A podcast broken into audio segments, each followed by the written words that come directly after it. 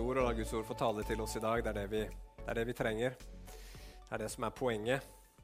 At vi skal få lytte til hva Gud vil si. Vi har kommet til eh, veis ende i Galaterbrevet. Vi har eh, gått steg for steg gjennom dette brevet også.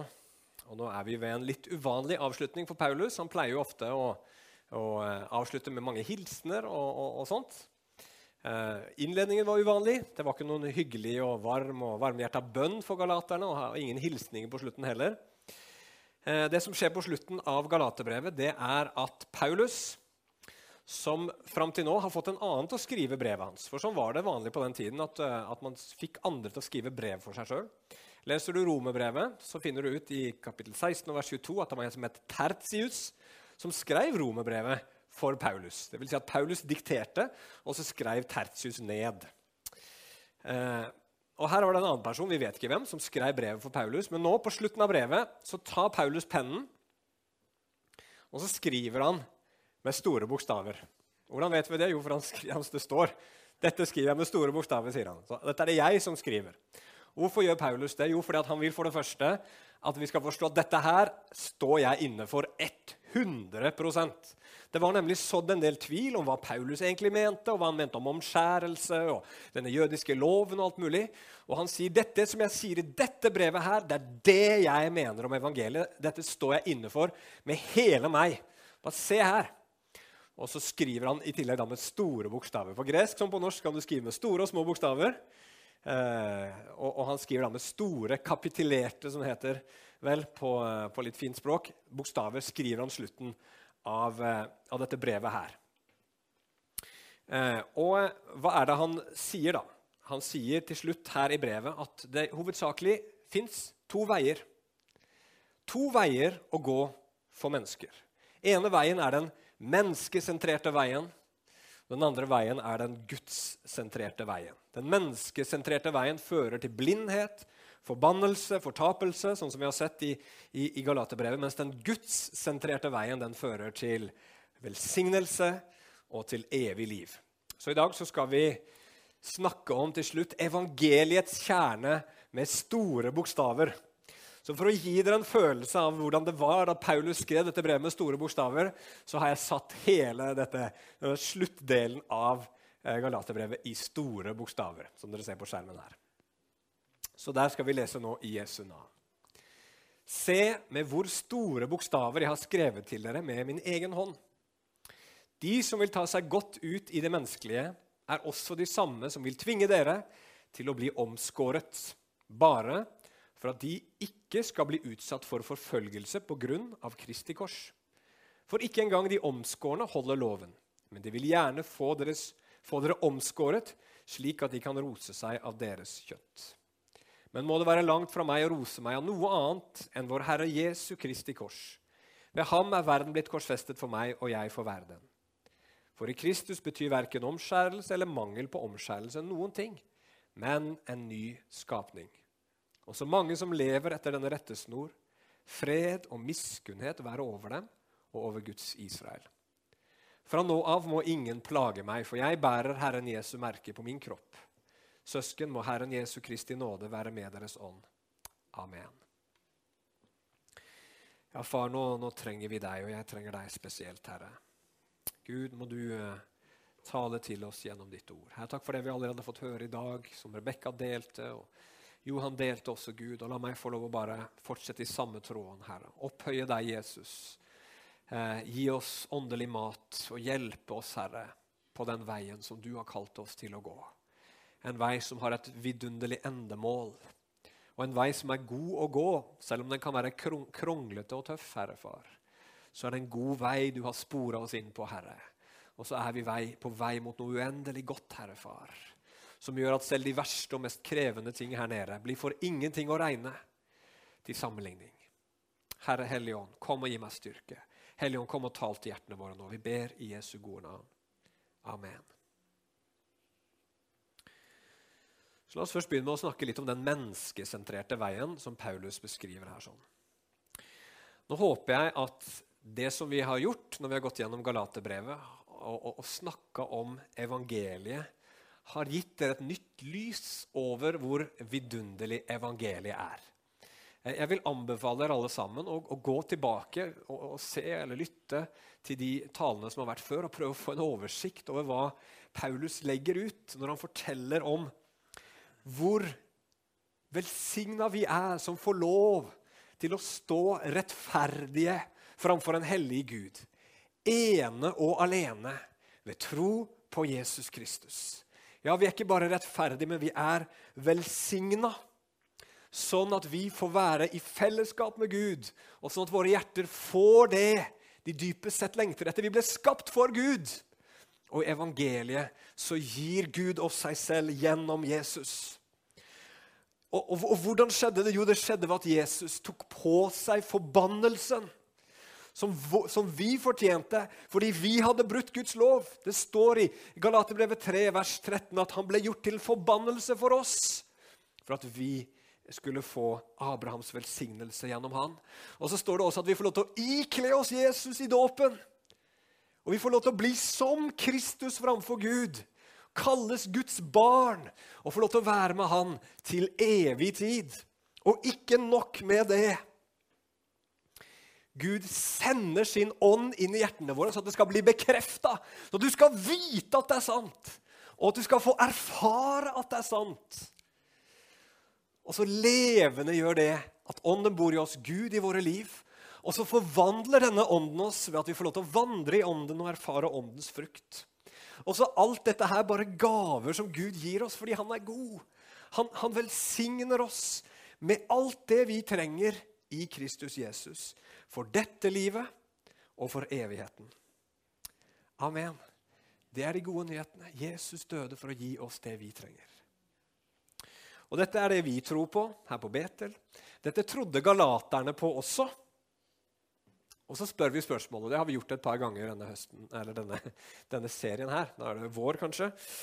Eh, hvordan i verden er det mulig å komme bort fra et sånt befriende budskap? At vi blir frelst av nåde alene, ved tro alene på Jesus Kristus alene. Hvordan går det til?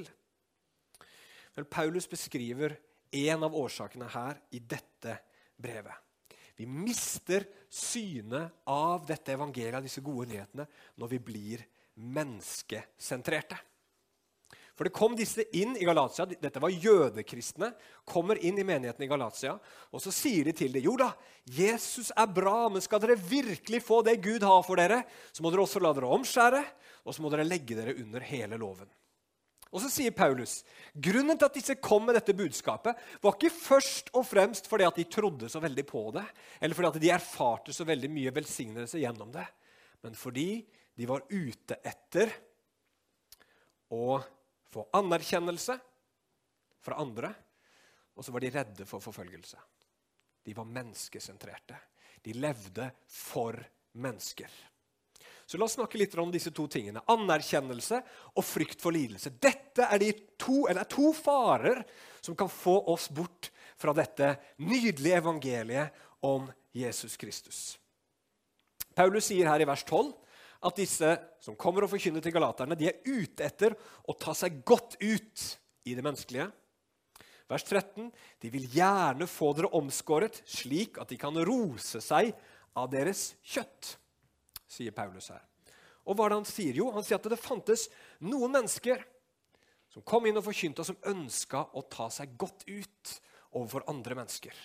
Kanskje var det andre jødekristne som hadde samme meninger som de, og så ville de at de skulle heie på dem og, og si 'yes, bra jobba'.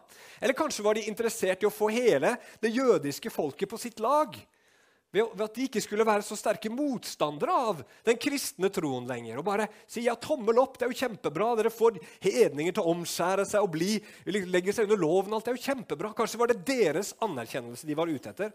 Det vet vi ikke. Men det er sånn med oss alle sammen at vi har mennesker som er viktige for oss, og som vi ønsker å få anerkjennelse ifra.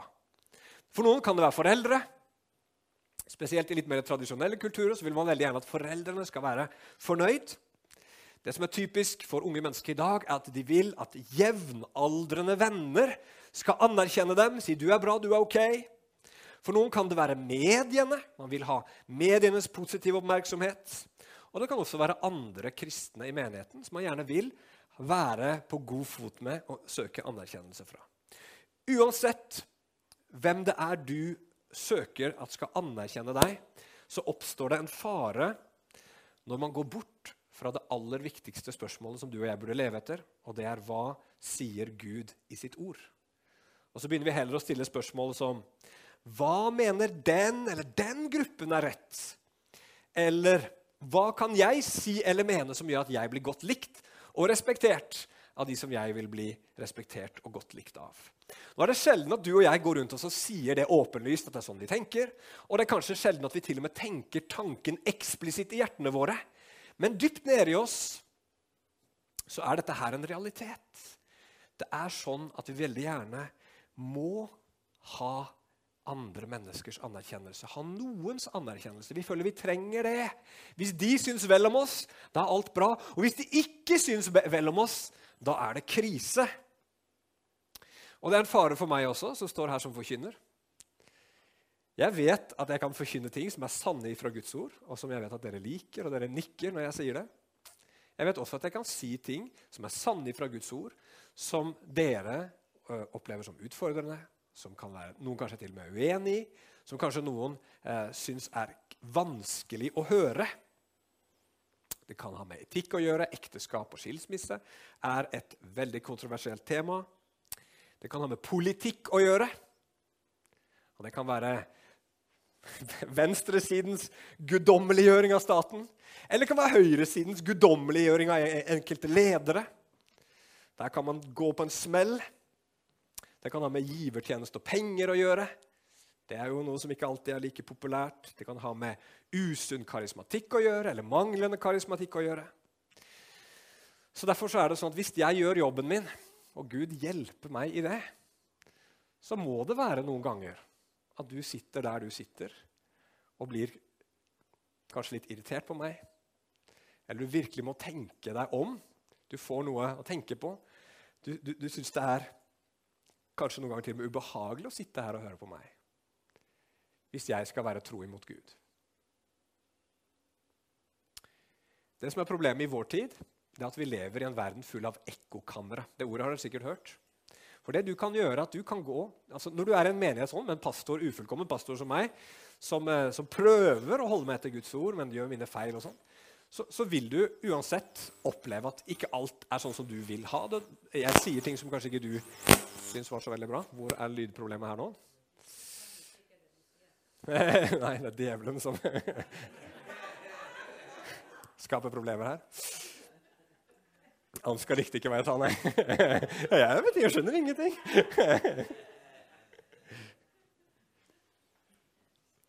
Men, men, men, det fins disse ekkokamrene. Ikke sant? Hvis ikke du er fornøyd med det du hører her, så kan du bare gå på nett og finne en som sier akkurat det du har lyst til å høre. Finne en eller annen person som bare bekrefter alle dine meninger. Men spørsmålet vi som kristne alltid må stille oss, det er det her. Eller det er ikke hvordan fikk det her meg til å føle meg akkurat nå? Eller er jeg enig i dette? Eller hva mener den og den om dette? Eller hva tenker mine ikke-kristne venner om dette? Eller hva mener man om pinsemenigheten på Nærbø? Hva slags rykte gir det oss at vi tenker sånn? Vi må stille oss spørsmålet hele veien. Stemmer dette med Guds ord? Er det dette Gud har sagt?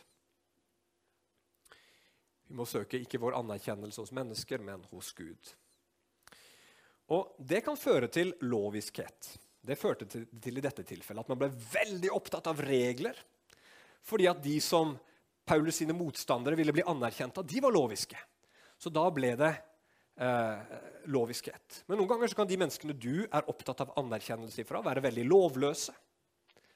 Og Veldig mange mennesker i dag tenker veldig annerledes enn Bibelen om det som har med seksualitet og ekteskap å gjøre osv. Derfor kan dette behovet for anerkjennelse fra verden føre til at vi går på kompromiss der. Og Det tror jeg er noe av grunnen til at det skjer i vår tid. Fordi at verden blir så sure og så sinte og så fordømmende med en gang vi løfter fram en kristen seksualetikk. Uansett så er poenget det her at evangeliet og Bibelens budskap vil alltid krasje med et eller annet punkt i samfunnet vi lever i. Det kan være på høyresiden, det kan være på venstresiden politisk. Det kan være eh, liksom i alle mulige fasonger og sjangere, så vil evangeliet på en eller annen måte krasje. Det må bare bli sånn. Og Jesus advarer oss mot det og sier at i de siste tider så kommer vi til å bli hata av alle for hans navns skyld. Så det vil, betyr at vi, vi, vi blir alltid leda til et valg. Er det Jesu anerkjennelse jeg er ute etter, eller er det verdens anerkjennelse? Er det Jesu evangelium jeg vil bygge livet mitt på, eller vil jeg bygge det på verdens evangelium? Uansett hva de tror på akkurat nå. Så der er den ene faren når vi lever menneskesentrert, at anerkjennelse, behov for anerkjennelse kan føre oss bort fra evangeliets sannhet. Men så har du også frykten for lidelse. Paulus sier at disse jødekristne som kom inn i Galatia og forkynte eh, Jesus pluss jødedom, de var redde for å bli forfulgt hvis de bare forkynte Kristus alene, sånn som Paulus gjorde. Og Hvis du ser nøye på Paulus, eller du trenger ikke å se så nøye heller, hvis du ser på Paulus' sin tjeneste i apostlenes gjerninger, så kommer han til by etter by etter by, og stort sett overalt så blir han forfulgt. Og Veldig ofte så får han problemer med de lokale jødene som er der. Når han kom til Galatia, det var flere byer, en av de byene het Lystra. Når han kommer dit, så blir han først tilbedt som en gud av den lokale befolkningen, og så kommer det noen jøder fra en av de andre byene, og så får de eh, starta en forfølgelse mot Paulus som gjør at han blir steina. Han blir så steina at de tror han er død. Men han overlevde. Det var eh, en veldig spesiell episode. Men hvis du leser Apostlenes gjerninger, hvis du leser 2. Korinterbrev 11, så ser du hvor mye Paulus led fysisk for å forkynne dette evangeliet. For Jødene likte ikke at han sa at det holder å tro på Jesus. Du trenger ikke bli omskåret. Og så kan du bli poda inn i Israel. Du kan bli en medborger i Guds rike. Det hadde jødene store problemer med, og så ble de voldelige pga. det. Og Han sier f.eks. i 2. Korinterbrev 11 at han har fem ganger har fått 29 39 eh, piskeslag, som var maksstraffen som jødene ga til sine egne. Fem ganger ble han slått 39 ganger. Og Hvorfor slo de det ikke 40 ganger? Jo, for de mente at 40 slag det var dødelig. Og det var noe som var henta fra Det gamle testamentet. Han ble slått eh, og piska tre ganger av romerne og forteller i 2. Korinterbrev 11 alt av de forskjellige strabasene han har gått gjennom som forkynner av evangeliet. Og vet du hva? Du kunne se det på Paulus. Og Derfor sier han i vers 17.: Jeg bærer Kristi merker på min kropp. Alt det han hadde gått gjennom, det viste seg i arr på hans kropp. Han kaller det Kristi merke, for det er Kristus han har arr. Jesus har arr på sine hender, sine føtter og sin side. Fordi at han ga sitt liv for oss, ja, men også fordi han sto opp for sannheten i en verden som ikke er glad i Guds sannhet. Og Da er det kanskje ikke så rart, hvis vi tenker oss godt om, at en del av disse jødekristne ønska et lite kompromiss for de ønska å unngå Paulus sin skjebne. De ville ikke ha kroppen sin ødelagt. De ville ikke ha all den smerten. Og Dermed så drev denne frykten dem til å tilpasse evangeliet, sånn at de ikke lenger provoserte jødene. Men det er ikke jødene som er problemet, det er at evangeliet alltid vil provosere noen. Og da fører det til lidelse. Er du klar over det? At Bibelen sier klart og tydelig at vil du Vær en kristen, følge Jesus, tro på evangeliet, så vil det garantert følge lidelse med. Jesus sier det mange ganger. Alle apostlene som skriver brever, forklarer oss at det kommer til å skje. Hver den som vil leve gudfryktig i Kristus Jesus, skal bli forfulgt, sier Paulus i 2. Timoteus 3, tror jeg det er. Har du tenkt gjennom det? Er du villig, hvis det skulle kreves av deg, til å sitte i fengsel for din tro på Jesus? Er du villig til å kanskje miste jobben for Jesus sin skyld? Er du villig til å lide tortur for Jesus? Er du villig til å dø for ham?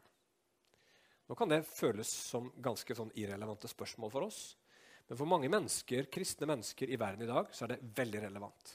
Når du blir en kristen, så vet du at jeg sier, nå, nå sier jeg ja til å lide for Jesus skyld. Jeg fant på nett en historie nei, veldig typisk fra India hørt mange lignende historier. En pastor som heter Sanjay Bandari. og Han ble angrepet av radikale hindunasjonalister. Nå er det veldig vanskelig å være kristen mange steder i India. Nettopp fordi at hindunasjonalismen er på framgang, og det er blitt forbudt i en del stater å lede mennesker til en annen tro enn den de opprinnelig trodde på. Og eh, Han er da eh, på besøk hos noen slektninger i en landsby. og Så kommer disse hindunasjonalistene og drar han med seg ut av det hjemmet han er på besøk i. Og så sier han med egne ord hva som skjedde. Han sier de for, fornedra meg og Jesus Kristus med skittent språk. Og så tvang de meg til å hilse Jai Sri Ram, det er sikkert en sånn lokal gud der nede, mens de slo meg. De slo meg i lysken, ansiktet, brystet og hele kroppen og beskyldte meg for å prøve å konvertere svigerinnen min. Jeg prøvde å fortelle dem at hjemmet, mitt, hjemmet tilhører min svigerinne, og at de allerede er kristne og medlemmer av kirken min. Og Så sier denne mobben til han etterpå han, han får ikke lov til å komme tilbake igjen her. Da, da får han en verre skjebne. Han får heller ikke lov til å fortsette med sin kristne tjeneste om å stenge ned kirken sin, sier denne mobben til han. Det blir innrapportert i politiet, men ingenting har blitt gjort. Sånn er det for mange mange, mange av våre brødre og søstre rundt omkring. Vi tenker veldig ofte at eh, de som lider for Kristus, de dør, men det er veldig få som dør. faktisk. Det er eh, kanskje 1000-2000 i året som dør som martyrer for Jesus. De aller fleste ble utsatt for andre former for lidelse og forfølgelse. Sånn som det her. Vold, fengsling, utestøtelse osv. osv.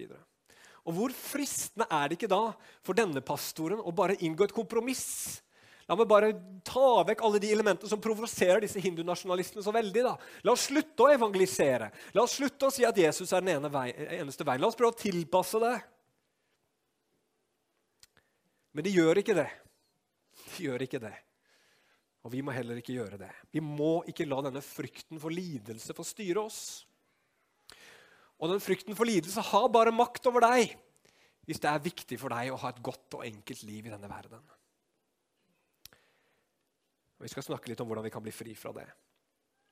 Men det som er tragedien med det her, når vi blir styrt av anerkjennelse, behov for anerkjennelse eller frykten for lidelse, så blir vi blinde. Vi blir blinde. Paulus sier her at disse jødekristne som kommer og forkynner Jesus pluss jødedommen, de klarer ikke selv å leve etter den loven de forkynner. De klarer ikke selv å leve opp. De klarer ikke selv å leve sånn som de skal etter Moseloven. Men de er så opptatt av anerkjennelse, og de er så opptatt av å slippe å lide for evangeliet at de glemmer sin tilstand framfor Gud. De glemmer at de er fullstendig fortapt, ute av stand til å leve det livet som Moseloven helt klart maler framfor øynene deres. De blir blinde. Og Sånn er det når mennesker får styre livene våre, når menneskers meninger og hva mennesker kan eller vil gjøre med oss, får styre oss. For Bibelen er så klar ingen kan bli rettferdig etter loven. Og Hvis man lever etter loven, så er man under forbannelse, sier Paulus tidligere i dette brevet. Og Derfor så begynner Paulus brevet med å si at den som forkynner et annet evangelium, den som gir noe annet enn Jesus alene, han være forbanna. Hvorfor? Fordi det fins bare velsignelse i Jesus. Og med en gang du skal prøve å få, bli god nok for Gud ut fra dine egne gjerninger, så havner du under forbannelse. Du er ikke god nok i deg selv. Ingen av oss klarer å leve ut denne Moseloven. Om det er 95% Jesus og 5% Moselov, så svikter du på de 5 prosentene og så havner du under forbannelse. Og Jesus han sa den som vil berge sitt liv, skal miste det. Altså den som vil bli anerkjent, den som vil unngå lidelse, skal miste sitt liv. Men den som mister sitt liv, den som ikke bryr seg om menneskers anerkjennelse, som ikke frykter for lidelse, den skal berge det.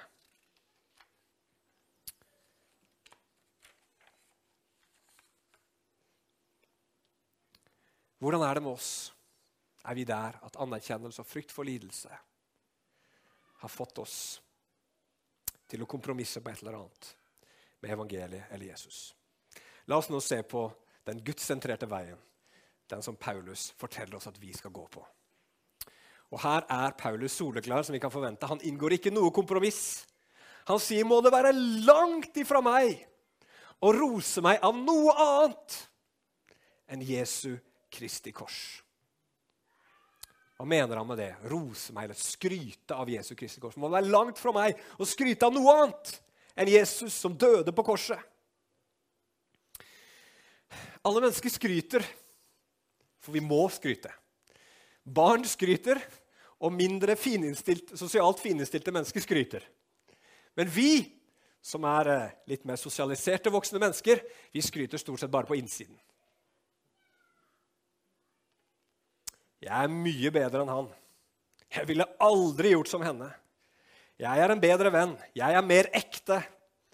Jeg er en bedre forelder. Jeg er rikere. Jeg har finere bil. Jeg har lykkes bedre. Jeg har penger. Mer penger, osv. Og, så og det gjør vi for at vi desperat trenger å få vite og få liksom, tale til oss selv at 'jeg er ok, jeg er god, jeg har verdi som menneske'. Og Det er derfor også vi gjerne vil at andre skal bekrefte oss. Men det Paulus sier her, det er at alt som betyr noe for meg som menneske, det som definerer meg som menneske, det bygger jeg ene og alene på Jesu kors. Det er sentrum av mitt liv. Er, der, der er livet mitt. Der er alt jeg er, oppsummert i det korset der. Og Det var ganske oppsiktsvekkende, for på den tiden der så var ordet kors det var, det var, så grusomt, det ordet der, at romerne selv de ville ikke ta det i sin munn. Crux heter det på latin. De ville ikke si crux engang. Så de snakka bare om Hva var det for noe? Det uheldige treet, kalte de det. For det Ordet kors var bare så grusomt for dem. De visste alt hva det, det som lå i det ordet, så de kalte det bare for det uheldige treet. Å bli hengt på det uheldige treet. Så kommer Paulus der, og så sier han dette ordet. Kors. Og så sier han jeg roser meg bare av dette her. Hele mitt liv oppsummeres i Jesus og i hans kors. Hvorfor det? Jo, for her ser Paulus her er den befriende sannheten om meg selv. Her og her alene er mitt håp. Han ser at her viser at jeg er en så elendig synder. Jeg er så ille at Jesus måtte dø en blodig død. Jesus måtte bli forbanna og lagt under Guds vrede for meg. Så ille er jeg. Det ser han på korset. Men så ser han allikevel forunderlig nok at han er så ufattelig elska Jesus. At Jesus er villig til å gå gjennom det alt sammen. Til å bli en forbannelse. Til å bli hengt opp på dette, dette treet som var så stygt og grusomt at folk ikke engang orka å snakke om det. Så fælt var det. Jesus gikk gjennom det. For meg, sier Paulus. Han døde for meg fordi han elsker meg. Han gjorde det for deg. Han gjorde det for oss alle sammen. Og Da sier Paulus at det, det, alt det andre som gir meg verdi og verdighet, det er bare søppel. Som han sier i Filippebrevet 3. Det er bare søppel til sammenligning. Og mennesker sier 'jo, du er bra'. Hva betyr det? Når Jesus har elska meg til døden på et kors. Når Gud har åpenbart sin kjærlighet til meg på den måten. Og Her fins det en enorm frihet som Paulus uttrykker ved å kalle det, ved å si at ved dette korset så har verden blitt korsfesta for meg, og jeg har blitt korsfesta for verden. Hva betyr det? Ville du vært interessert i en plass på benken i fjerdedivisjon hvis du hadde fått spilletid i Eliteserien? Høres det spennende ut? Interessant. Ja, jeg kan få sitte på benken i fjerdedivisjon når du har fått eliteserie spilletid. Ingen er interessert i det. Ville blitt frista til å sette sparepengene dine inn i en bank som alle visste var på i ferd med å gå konkurs? Ville det vært fristende? Hadde du hatt lyst? Nei! Og den som ser inn i evangeliets skjønnhet, den som skjønner hva Jesus har gjort på korset, den som skjønner hva Jesus sier i sin død for deg, skjønner at alt annet mister sin glans og sin tiltrekning i sammenligning og da må du ikke lenger ha verdens anerkjennelse når du har Guds anerkjennelse. Når du vet at denne verden er døende, og den skal få gå med all sin lyst, da er det jo ingenting interessant med å få den med på laget. For den kommer til å tape. Det kommer til å forsvinne alt sammen. Det er ingenting å satse på. Men det fine med det er at da trenger du heller ikke å gå i kloster. For du trenger ikke være redd for verden. For Hvis du er redd for verden om å gå i kloster, da har den fortsatt makt over deg. ikke sant? Men hvis du har sett Jesus skjønnhet, hvis du har sett hva korset betyr, hva Gud åpenbarer om deg og meg, hvilken framtid han gir oss, hvilket håp som lever i det korset, hva skal du med da, med alt det andre? Da blir det søppel i sammenligning, det som verden tilbyr oss. Og så er det veldig fint også med dette korset at verdens anklager preller av. Du vet at man kaller kristne mørkemenn. Det er liksom for å si hvor ille vi er. Vi er forferdelige mennesker. Og, og, og i, i, i, eh, Peters brev, første brev, kapittel 2, så står det at, at eh, om de omtaler dere som ugjerningsmenn altså om de kaller dere de, de dårligste, fæleste menneskene som går på jorda, så preller det fullstendig av på kristne. For vi kan si det så enkelt som det her. Du vet ikke halvparten av meg engang. Det er mye verre enn du tror. Men allikevel Gud vet det, og allikevel så elsker han meg. Og da har heller ikke verdens trusler noe makt over oss. For er du en kristen, så er du, en, du er døende. Du er korsfesta med Kristus. Det fins ingenting verden kan ta fra deg. Ditt liv i denne verden er på ferd med å, å, å, forsvinne. Og du holder på å bli en ny skapning i Kristus Jesus. Og hva verden enn sender i vår vei, så er Gud min gode far, som bruker alt det verden sender i min meg, for at det egoistiske meg skal avta, og Jesus skal lyse fram. Så Paulus han sier til slutt Hør her nå. Omskjærelse er ingenting i seg selv. Det er ikke noe å bry seg om omskjærelse. Det er ikke viktig. Det er ikke noe å skryte av heller. Mangel på omskjærelse er heller ingenting. Det er ikke noe å skamme seg over det. Hva du spiser eller drikker, hvor du er i livet ditt, hva slags bakgrunn du har Alt det der er uvesentlig. Det er bare én ting som er viktig, og det er er du en ny skapning eller ikke. Ordet som brukes her, er ordet skapelse, faktisk. Det ordet brukes ellers i Nytestamentet om Guds skapelse. Er du en ny skapelse? Har du blitt skapt på nytt? Hører du til den nye skapelsen som en dag skal komme, som Gud er i ferd med å, å bringe til jorden? Det er det som er det store spørsmålet. Det er det som gjelder. Er du født på nytt? Hører du til den kommende verden eller ikke? Alt annet er uvesentlig. Vi skal leve i denne verden, vi skal gjøre så godt vi kan i denne verden. Men når alt kommer til alt, så er det det som er den store skillelinjen. Er du født på nytt eller ikke? Har du fått Guds ånd på innsiden eller ikke? Har du blitt en ny skapning? Og det avgjøres ene og alene ut ifra hva du gjør med evangeliet om Jesus Kristus. Forkaster du det, så er du fortapt. Tar du det imot, men så fikser du på det og tar vekk de tingene som ikke passer for deg. Da går du fortapt. Eller så kan du, som Paulus sier her, leve etter evangeliets rettesnor. Lev etter evangeliet. La det ikke bare bli et lite budskap du har på baklomma som du håper skal hjelpe deg den dagen du dør, så du får komme til himmelen. Men la det bli din ledestjerne.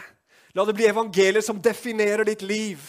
Minn deg selv hver eneste dag når du står opp om morgenen, at for meg er livet Kristus, og døden er en vinning.